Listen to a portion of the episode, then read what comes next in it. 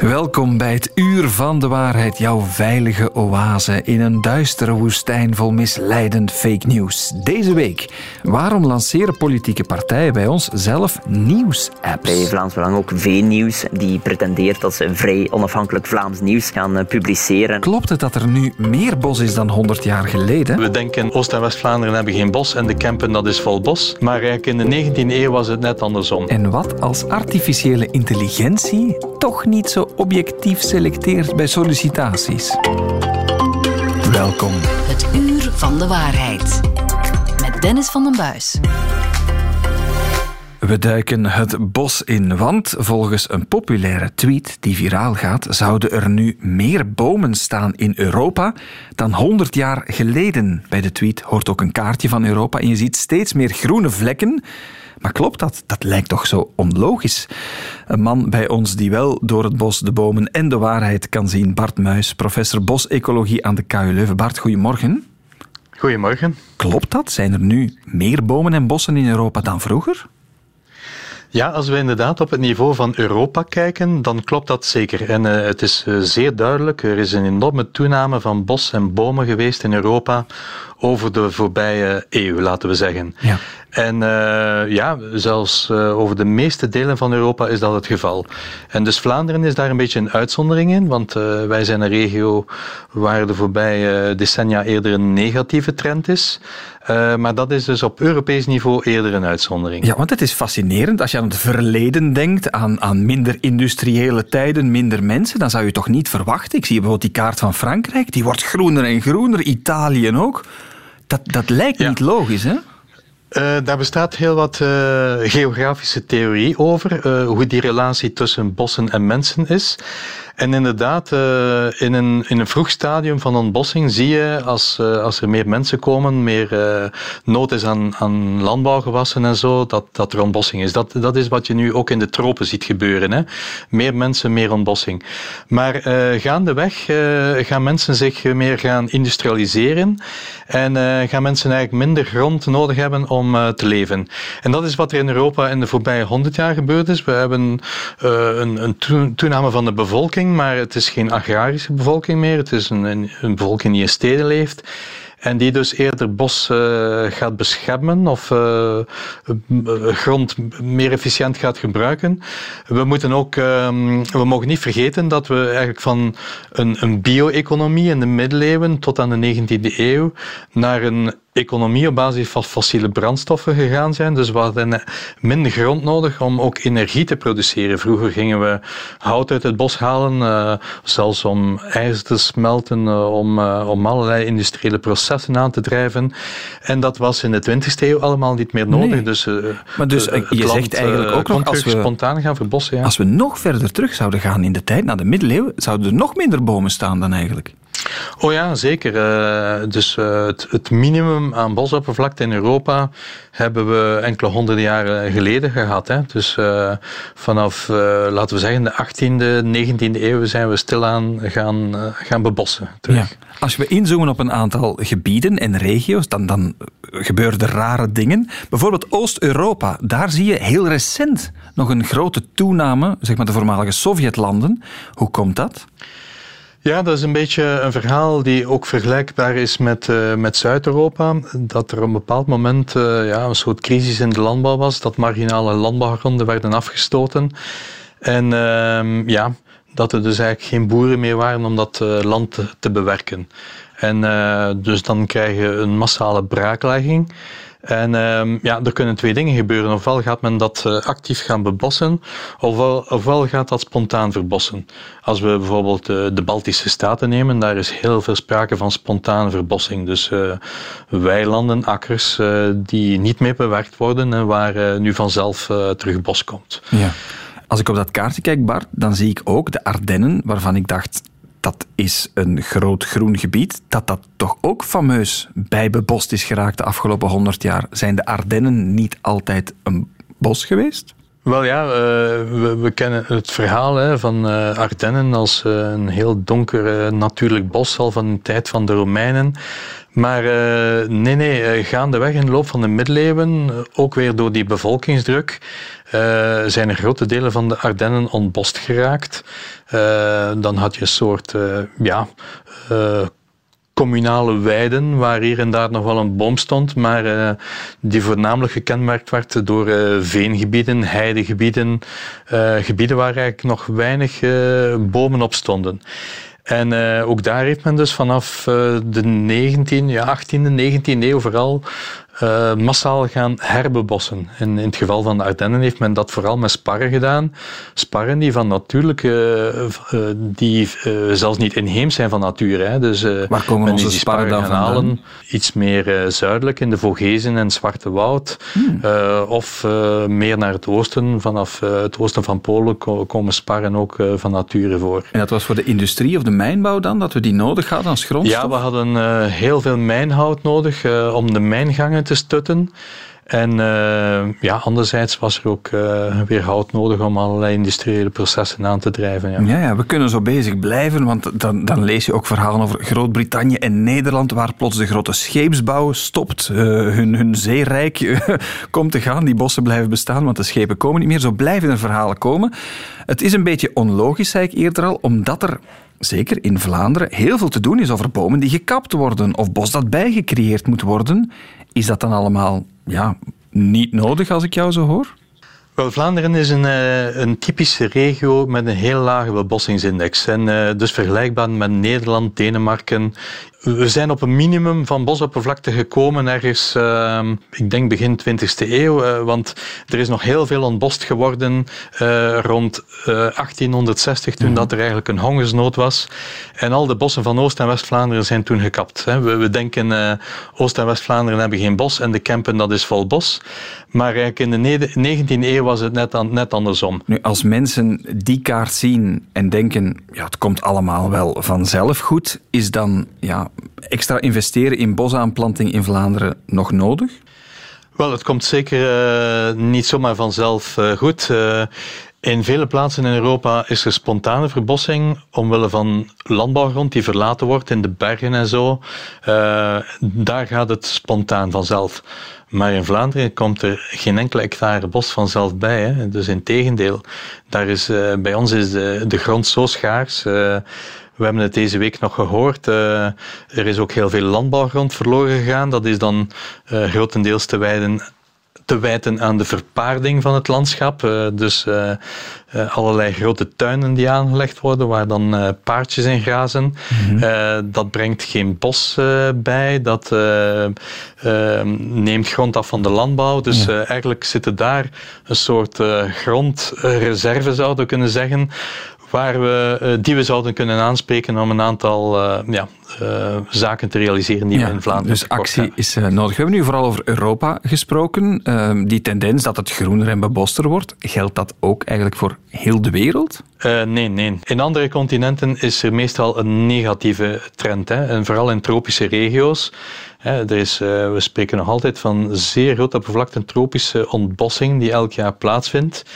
En uh, in andere continenten is het maar mondjesmaat dat er nieuwe bossen worden aangelegd. Uh, bijvoorbeeld plantagebossen voor houtproductie.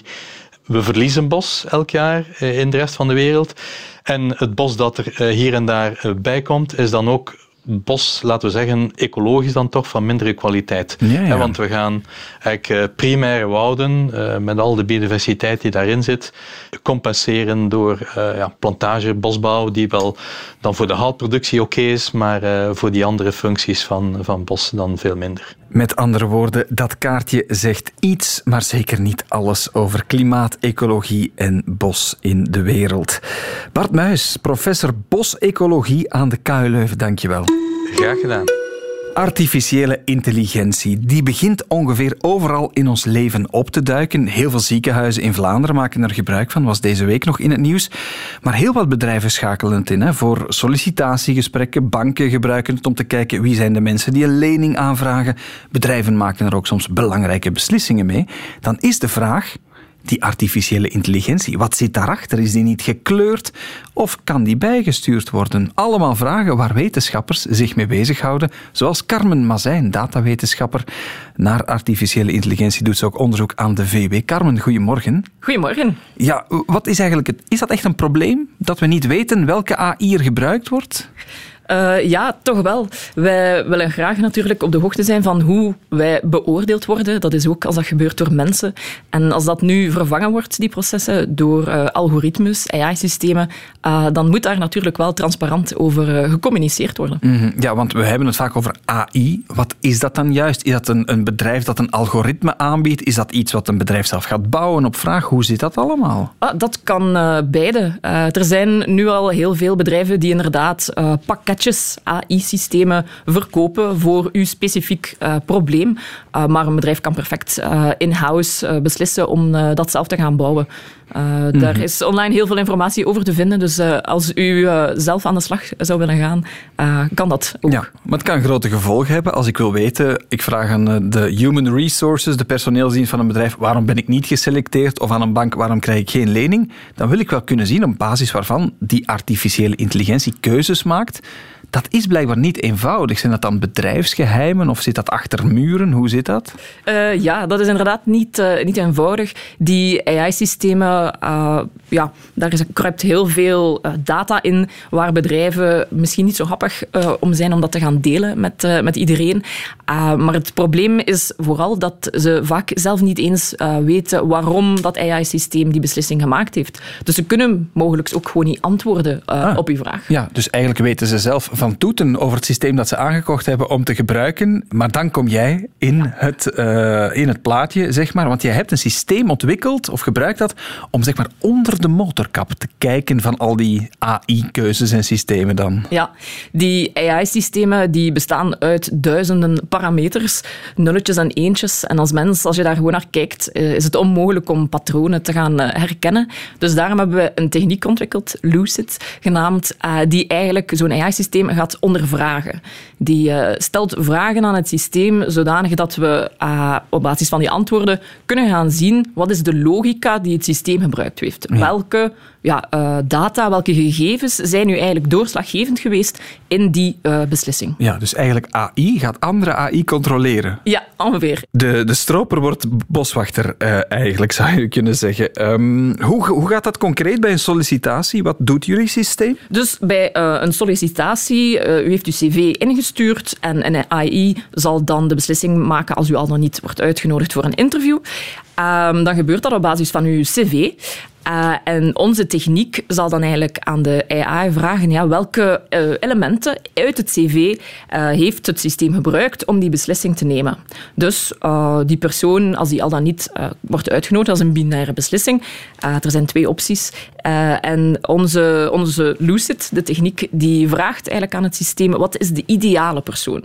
Dus welke persoon zou sowieso worden uitgenodigd voor een interview? En als dat dan het blijkt, stel AI zegt het moet een man zijn, dan heb je een probleem. Ja, we vragen dat niet één keer, we vragen dat duizend keer, uh, om dan daar de patronen in te kunnen gaan zien. En inderdaad, ja, als dat 999 keer uh, een man is, dan blijkt uh, toch dat het AI-systeem een voorkeur heeft, mm -hmm. een discriminerende de voorkeur. En gebeurt dat vaak? Want dat hoor je wel eens, hè, van AI is racistisch, discrimineert, baseert zich op witte mannelijke data enzovoort. Klopt dat aan de hand van wat jullie nu merken? Ja, ja, toch wel. Er zijn uh, heel veel voorbeelden, inderdaad. Uh, elke week zijn er nieuwe voorbeelden van een AI-systeem dat uh, ja, toch een beetje de foute kant op gaat. En hoe komt dat eigenlijk, dat het altijd de foute kant op gaat?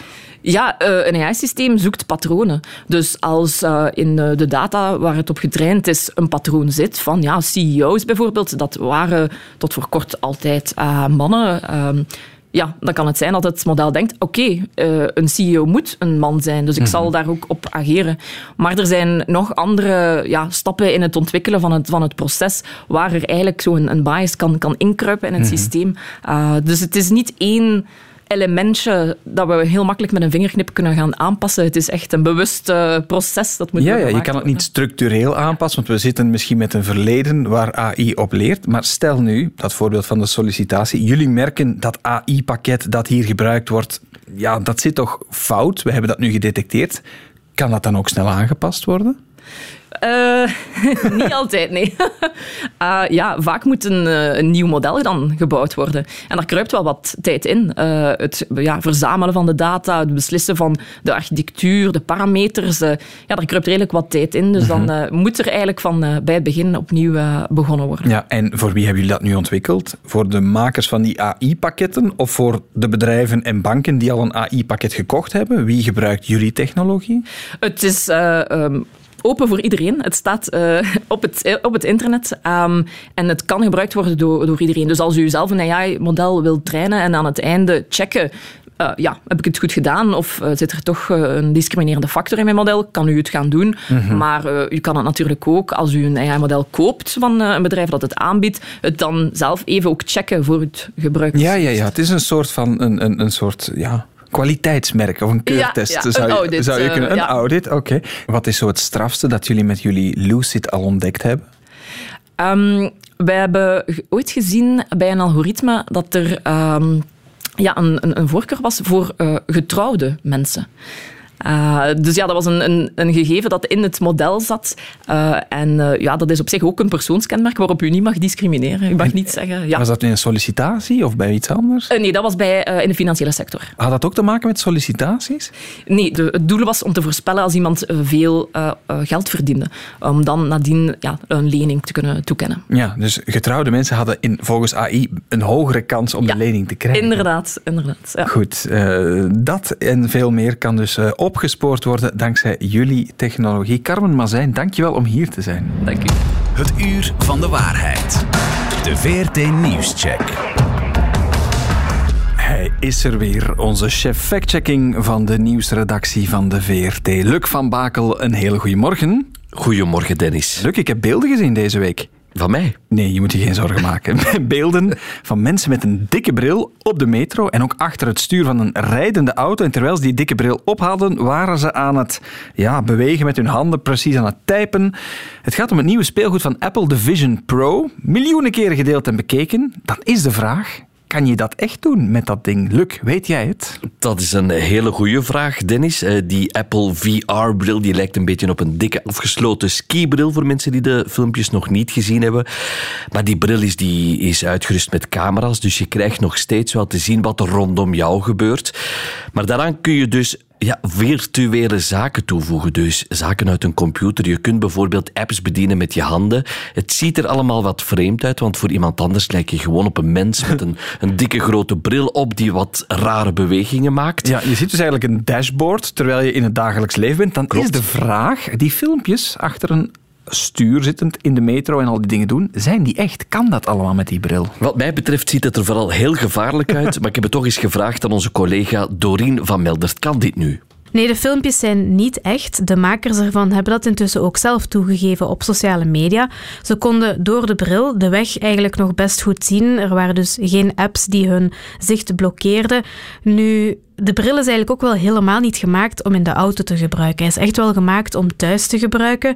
En je zal ook merken, normaal gezien, dat wanneer je de bril um, op hebt en je heel snel beweegt, of als je omgeving snel beweegt, dan zou hij normaal gezien blokkeren. Heel duidelijk, dankjewel Doreen.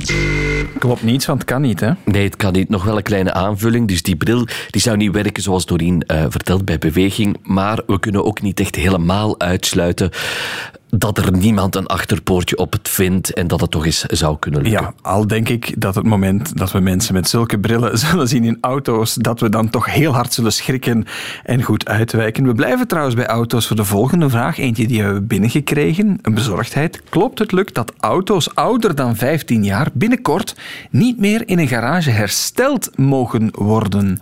Wat is het antwoord, Luc? Ja, het is een vraag die heel vaak voorkomt. Op sociale media zijn mensen daar ook heel bezorgd over. Het bericht is overal gedeeld. Uh, het nieuws dat oude auto's niet meer hersteld mogen worden, haalden ook verschillende Spaanse en Portugese kranten. En het zou gaan om een nieuwe Europese richtlijn. En je kan het al raden, Dennis, de mensen juichen die eventuele richtlijn niet bepaald toe op sociale media. Ja, denk dan aan eigenaars van oldtimers of van oudere tweedehandswagens of ja, mensen die simpelweg niet het geld hebben om een nieuwe wagen wagen te Ja, ja. kopen. Eh, maar het gaat blijkbaar om een misverstand over een voorstel van de Europese Commissie. Dat zegt factchecker Rien Emery. Het is een soort misvatting die gegroeid is omdat eh, auto's meestal vanaf 15 jaar misschien wat beginnen te mankeren. En dan is dat cijfer daarin vermengd geraakt. Maar een reparatieverbod staat dus niet in de tekst. Wat, wat, wat de bedoeling is achter het voorstel van de Europese Commissie, is ervoor te zorgen dat de export van auto's die eigenlijk autovrakken zijn, maar uitgevoerd worden naar andere continenten, voornamelijk naar Afrika, om die eigenlijk tegen te houden en stop te zetten, om ervoor te zorgen dat alle grondstoffen die nog in die, grond, in, in die autovrakken zitten, dat die kunnen gerecupereerd worden in Europa. Ja, meer nog, Dennis. Het cijfer 15 zou trouwens ook helemaal niet in dat voorstel eh, van de Europese Commissie staan. En het moet ook nog gestemd worden. Dus Samengevat.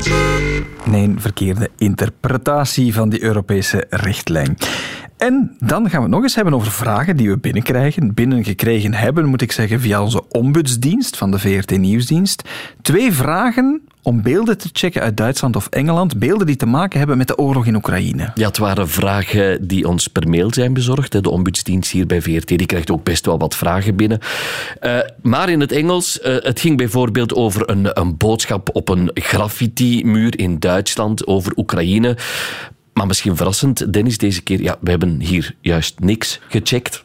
Een beetje van luie Charles. Eh, nee, nee, want er zit een verhaal achter. Eh lui zijn wij hier nooit. Eh, maar het was voor ons niet echt relevant, die vraag op die, eh, op die moment toen ze binnenkwam.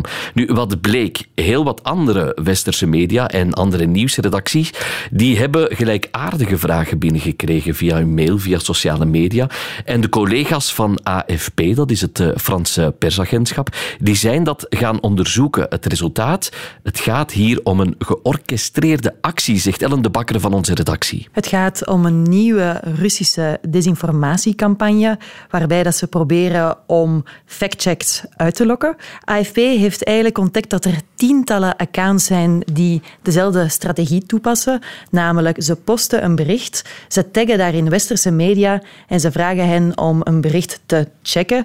En de onderzoekers hebben ook gezien dat de meeste berichten voor de eerste keer gedeeld werden op Russische kanalen, op berichtenapp Telegram. En het doel is om factcheckers af te leiden van hun echte werk en om valse verhalen nog meer onder de aandacht te brengen. Ik zou jou nooit van jouw echte werk durven afleiden, Luc. Dat weet je. Maar Dank het is toch wel straf. Zo'n beïnvloedingscampagne, zodat jij en je redactie andere factchecks zouden gaan doen dan je bezighouden met wat de Russen echt doen in Oekraïne bijvoorbeeld. Ehm, dan is ook de vraag, je zei, dit hebben we niet gecheckt, want niet relevant, beelden, Duitsland, graffiti-muur. Wat kies je wel? Waar, waar ligt de filter? Dat, dat is een hele goede vraag ook. Ehm, we hebben een aantal criteria die wij telkens proberen af te lopen om te zien van ja, gaan wij nu een bericht factchecken of niet.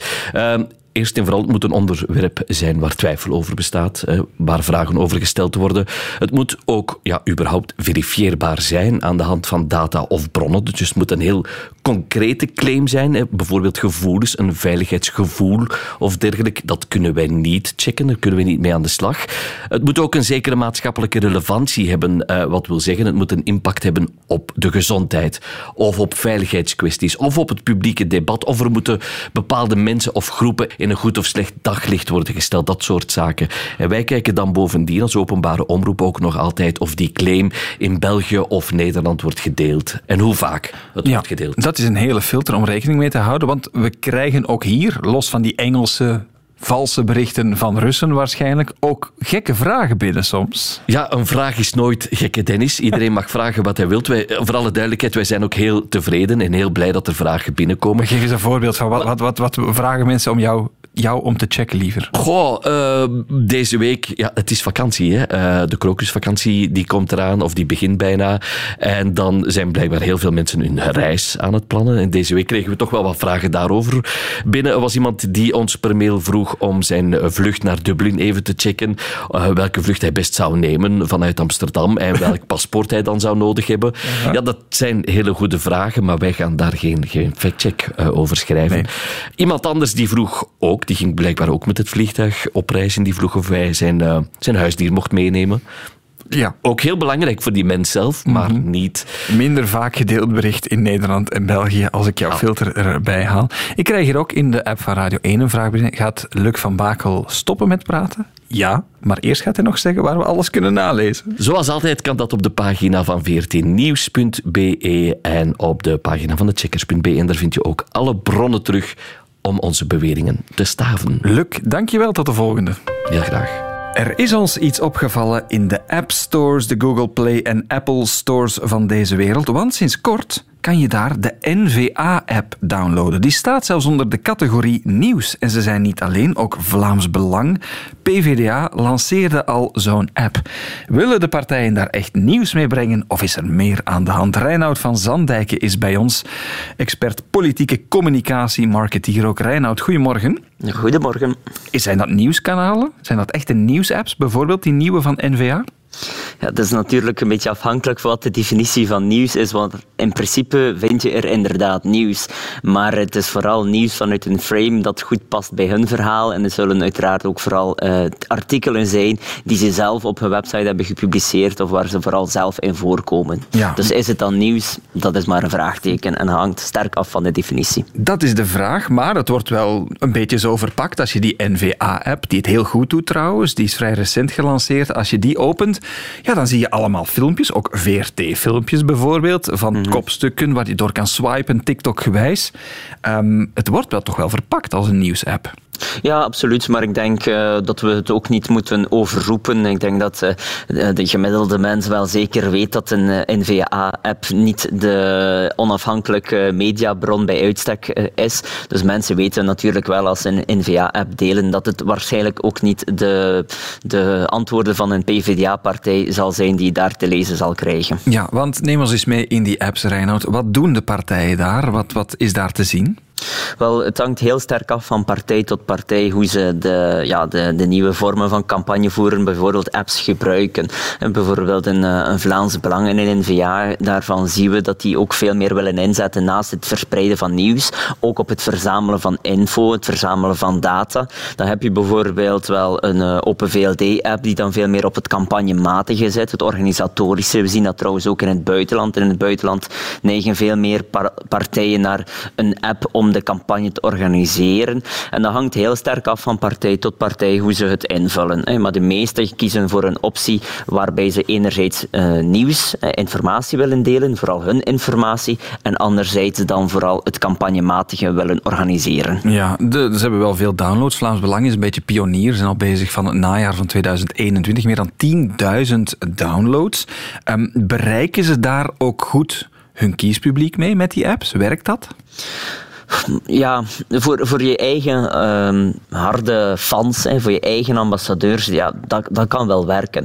Maar natuurlijk, een 10.000 downloads, dat lijkt veel, maar als je weet dat je een paar miljoen stemmen nodig hebt om eigenlijk echt de verkiezingen te winnen, dan is 10.000 uiteraard niet zo heel veel. Wetende dat een download nog niet gelijk is aan een actieve gebruiker. Mm-hmm. Dus het, het valt wel mee. Die apps, daar zien we van, ook in het buitenland, dat dat eigenlijk vooral goed is voor de eigen achterban. Dat is niet voor een breed publiek. Als je kijkt ook bijvoorbeeld naar uh, de meest gebruikte apps uh, op het einde van het jaar of bij de overzichtlijstjes, daar staat zelden een politieke partij. Dat zijn nog altijd de nieuwsapps die daar bovenaan staan, want mensen gaan niet de politieke partij-app als eerste bron van informatie nee. gebruiken. Dus en, het is vooral voor de eigen achterban. En hoeveel apps hebben we allemaal niet op onze smartphone staan die ooit geïnstalleerd zijn, maar die we niet dagelijks exact. openen? We ja. hebben dat trouwens ook eens aan de NVA, die nu recent op de markt zijn gekomen met hun app, gevraagd. Wat is eigenlijk jullie bedoeling? Dit is het antwoord van Louis Ide, de nationaal secretaris van de partij. Dat is een nieuw communicatiekanaal naast uh, meerdere van onze manieren van communiceren. Het ledenmagazine, de sociale media, digitale nieuwsbrieven. Dat is iets nieuws waarbij dat we eigenlijk sympathisanten aanspreken, maar ook intern onze leden. Dat is ook gekoppeld aan onze ledenbestand om bijvoorbeeld bestellingen te plaatsen, boeken aan te schaffen en dergelijke meer. Ja, dat is wat jij zei richting de leden. Kan dat ook interactief gebruikt worden om inhoudelijke dingen aan de leden voor te leggen? Bijvoorbeeld, gebeurt dat? Ja, dat is eigenlijk in mijn ogen uh, het grootste voordeel van een app, is dat je heel snel kan gaan peilen, heel snel kan gaan testen bij je eigen achterban. Hey, bijvoorbeeld, stel nu nu 9 juni, verkiezingen zijn voorbij, er is, uh, er is een nieuwe politieke realiteit. En dan ja, zal natuurlijk bij NVA de keuze moeten gemaakt worden. Misschien is die al gemaakt, hè. daar, daar zijn ze altijd wat, niet altijd e-, even duidelijk over. Maar gaan we met Vlaams Belang onderhandelingen voeren, ja of nee? En dan is het wel heel interessant om een tool te hebben waarbij je bijna real-time direct kan weten van hoe denkt onze achterban hierover? Wat denken de meeste mensen van onze achterban hierover? En dan heb je met een app wel een tool, als die uiteraard actief wordt gebruikt, waarbij je heel snel kan testen van oké, als wij bijvoorbeeld frame A of boodschap A communiceren, dan mogen we verwachten dat onze achterban zo zal reageren. Klinkt, dat klinkt is wel een beetje, Reinoud, ook gevaarlijk, want niet elke downloader van die app is misschien lid van de NVA of sympathisant ja, als ik dit hoor, dan zou ik misschien als Vlaams Belang zeggen: kom jongens, allemaal in die NVA-app en we gaan meestemmen over hun partijprogramma.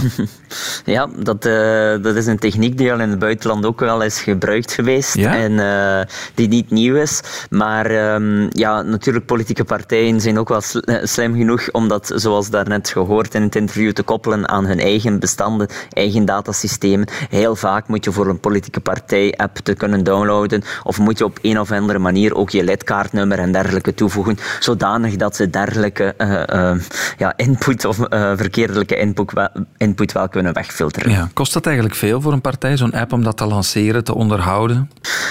Ja, het is, het is geen goedkope investering. naast het ontwikkelen heb je natuurlijk ook nog heel veel andere zaken, zoals het onderhouden, ermee bezig zijn, het uitdenken. En dat hangt dan uiteraard heel sterk af van partij tot partij en vooral wat je ermee wilt doen. Als, je, als ik de partij N-VA hoor zeggen, we hebben dat ook gekoppeld aan ons ledenbestand, dan heb je natuurlijk iets meer werk dan wanneer je bijvoorbeeld gewoon automatisch alle mhm. artikelen van je website op de app plaatst. maar over het algemeen... Ja, over het algemeen zou ik zeggen dat dat waarschijnlijk schommelt tussen de 20 en 60.000 euro voor een, uh, voor een starter, uh, starterspakket uh, voor een politieke app. Ja, dan is het misschien ook niet ontoevallig dat de partijen die voor de politieke sperperiode en uitgaven ook lanceren. Denk je dat andere partijen dat ook nog gaan doen? Groen bijvoorbeeld. Gaat iedereen op die kar springen? Want sommigen zijn heel aanwezig, anderen heel afwezig. Ja, maar uh, het, het, hangt ervan af opnieuw wat je ermee wilt eh, bereiken. Want soms is een app ook niet nodig. Hè. Soms is een app ook maar een, uh, een, uh, een tool om te tonen van kijk eens hoe modern we zijn. Wat je kan bijvoorbeeld om je campagne te organiseren. We zien dat bijvoorbeeld bij GroenLinks, hè, waar Groen ook vaak mee naar kijkt. Of, In Nederland, de, partij. Beetje, ja, inderdaad, een beetje input haalt. Ja, dat die apps iets minder worden ingezet en bijvoorbeeld meer en meer wordt ingezet op WhatsApp-communicatie, WhatsApp-groepen en een WhatsApp-coördinatie. Dus het hangt heel sterk af van, uh, van, van partij, hoe ze willen organiseren, hoe groot ook de achterban is. En ik denk nu niet dat nog heel veel andere partijen zullen volgen met een hypermoderne, hypergesofisticeerde app. De meeste partijen zijn al bezig met een app-variant of een, een, veredelde website die een beetje gelijkt op een app. Dus uh, zo heel veel uh, moderne of nieuwe technieken zullen niet meer ingezet worden. Ook net omdat de sperperiode uiteraard is. Gestart. Het is eigenlijk een affiche, maar dan op onze smartphone met meer mogelijkheden. Wat nog iets anders is dan nieuws, al zijn er ook wel partijen die ook eigen nieuwsites echt vermomd lanceren. Hè? Ja, en dat is, uh, als het gaat over misleiding, is misschien veel zegt, maar laten we dan maar zeggen, niet zo'n duidelijke communicatie, dan, dan, dan, lijkt me dit een, uh, een, ja, een groter issue te zijn, omdat uh, inderdaad partijen, en dan vooral soms ook sympathisanten of vrijwilligers hun eigen kanalen starten en dat dan vermommen onder een onafhankelijk medium, maar waarbij je, als je een beetje politieke kennis hebt, eigenlijk maar heel goed ziet dat het vooral een bepaalde politieke partij is die daar Kan je voorbeelden geven? Ja, je hebt bijvoorbeeld op TikTok wel een eh, PvdA-variant of Vlaams Belang-varianten. Ehm, dan gaat het eh, bij, eh, bij PvdA over Red Fox. Dat zijn dan eigenlijk TikTok-kanalen die dan zogezegd gewoon mensen interviewen en gewoon maar de mening vragen van mensen. Maar dan natuurlijk een zeer communistische PvdA-insteek heeft. Ja, en aan de andere kant van het spectrum, hoe heet dat? Ja, bij Vlaams Belang heb je verschillende kanalen, dus daar hangt het een beetje van af wie je allemaal volgt. En je ziet daar ook weer dat er verschillende verschillende TikTok-kanalen zijn. Ja, je hebt ook natuurlijk de voormalig parlementslid Dries van Langenhoven. En je hebt dan natuurlijk bij, bij Vlaams Belang ook V-nieuws. Dat is dan ook een medium die pretendeert dat ze vrij onafhankelijk Vlaams nieuws gaan, gaan publiceren. En op TikTok heb je ook verschillende varianten. Dus zowel aan beide kanten van het spectrum heb je verschillende initiatieven. Ja, terwijl natuurlijk een van de eerste principes van de journalistiek is met een open vizier werken. Dat weet ik nog uit ons deontologisch zakboekje. Maar goed, er speelt veel richting de verkiezingen, ook op ons digitale kleine en grotere scherm. Reinhard van Zandijk, politiek marketeer, dankjewel. Met veel plezier. En daarmee zit deze podcast van het Uur van de Waarheid er weer op. Een co-productie van VRT Nieuws en Radio 1. Wil je meer weten over de wonderenwereld van desinformatie, complottheorieën en fake news? Herbeluister dan alle eerdere afleveringen. Dat kan via de app van VRT Max. Tot de volgende.